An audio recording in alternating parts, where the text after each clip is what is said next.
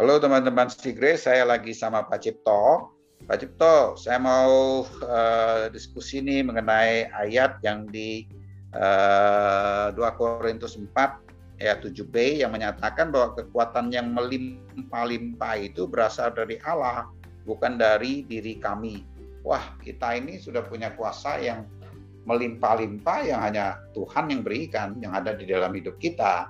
Seharusnya ya apa pun yang kita hadapi ya di luar punya kuasa di luar ini apa pun situasi kondisinya ya kuasa itu sekecil ya e, seharusnya kita jadi tenang aman enak ringan aja. Gimana itu aplikasinya Pak Cipto? Thank you Pak Secing. Ya hmm. ini ayat luar biasa dan bagi kita itu kan ya, hidup hidup uh, sekarang ini ini kan penuh penuh tanda tanya, penuh apa tantangan, ketidakpastian dengan perangnya Ukraine dengan Rusia itu berdampak langsung sampai Presiden Jokowi saja uh, berkomentar soal itu bahwa kita harus mewaspadai karena kan harga-harga itu uh, jumpalitan nanti harganya naik ntar habis itu setelah itu harganya bisa turun. Jadi seseorang itu bisa untung atau rugi dalam sekejap. Itu menjadi tantangan kita sebagai Eh, anak-anak uh, Tuhan bagaimana sih menyikapi itu. Dan puji Tuhan di 2 Korintus 4 ayat 7 ini bahwa kita itu mempunyai satu kekuatan yang berlimpah-limpah yang berasal dari Allah bukan dari dirinya kita. Jadi ini me, me, uh, tantangannya itu walaupun kita berada di satu tantangan yang yang besar ya baru kelar COVID atau baru mau keluar dari uh, COVID eh ada perang Rusia dengan Ukraina. Sepertinya kok nggak habis-habis gitu kan. Tetapi di sini ditulis ada kekuatan yang melimpah-limpah yang berasal dari Allah. Jadi rupanya Tuhan Tuhan Yesus itu di waktu uh, dia hidup pun di tahun 2000 tahun yang lalu mungkin keadaannya sama atau bahkan lebih berat lagi dan dia sudah tahu solusinya itu adalah uh, mempunyai kekuatan yang berlimpah-limpah yang dari berasal dari Allah.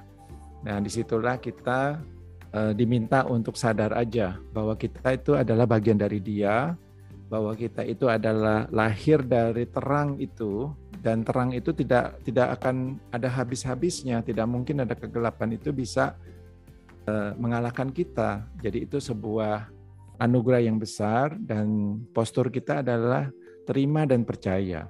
Tentu saja kita bisa berusaha dan selalu berusaha menjadi lebih sehat, tidur yang cukup, berbahagia, mencoba untuk uh, kumpul dengan orang-orang yang baik, yang positif, yang bisa mendukung kita, itu semua bagus semua.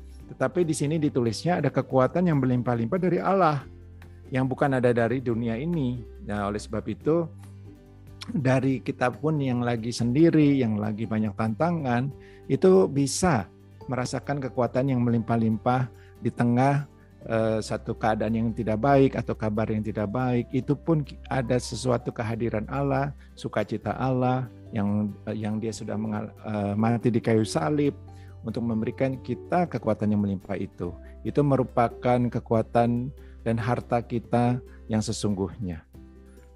Terima kasih Pak Secing. Wow, terima kasih sekali Pak Cipto untuk uh, sharingnya. Ini uh, saya jadi sangat dikuatkan ya dan diberkati ya. E, kalau lihat masalah dari dulu sampai sekarang, apalagi ada masalah tambah banyak, tambah dikit, sedikit pun orang udah tertekan ya. Sebenarnya Tuhan itu nggak ingin kita itu tertekan oleh masalah ya, tapi karena kita ini nggak nyadari bahwa kita itu nggak bisa dari diri kita ya, e, maka Tuhan menyadar, memberikan Eh, Kristus hidup di dalam hidup kita itu sebagai kekuatan yang berlimpah-limpah. Kalau udah berlimpah kekuatan itu ya yang lain itu udah nggak ada artinya. Jadi secara praktikalnya kita tidak lagi memandang apa yang masalah itu besarnya, tapi besarnya kuasa Tuhan yang ada di dalam hidup kita. Tentunya kita nggak menjadi uh, terbawa ya emosi kita, bahkan uh, bisa aja ada hikmat dia, kekuatan dia yang mengalir dalam hidup kita untuk menyelesaikan masalah yang kecil itu yang ada di luar hidup kita. Gitu ya Pak Cipto. Amin Pak Sucing, thank you. Oh, Oke, okay, terima kasih Pak Cipto. Tuhan berkati sampai kita ketemu lagi dalam pertemuan Sigris berikutnya. Amin.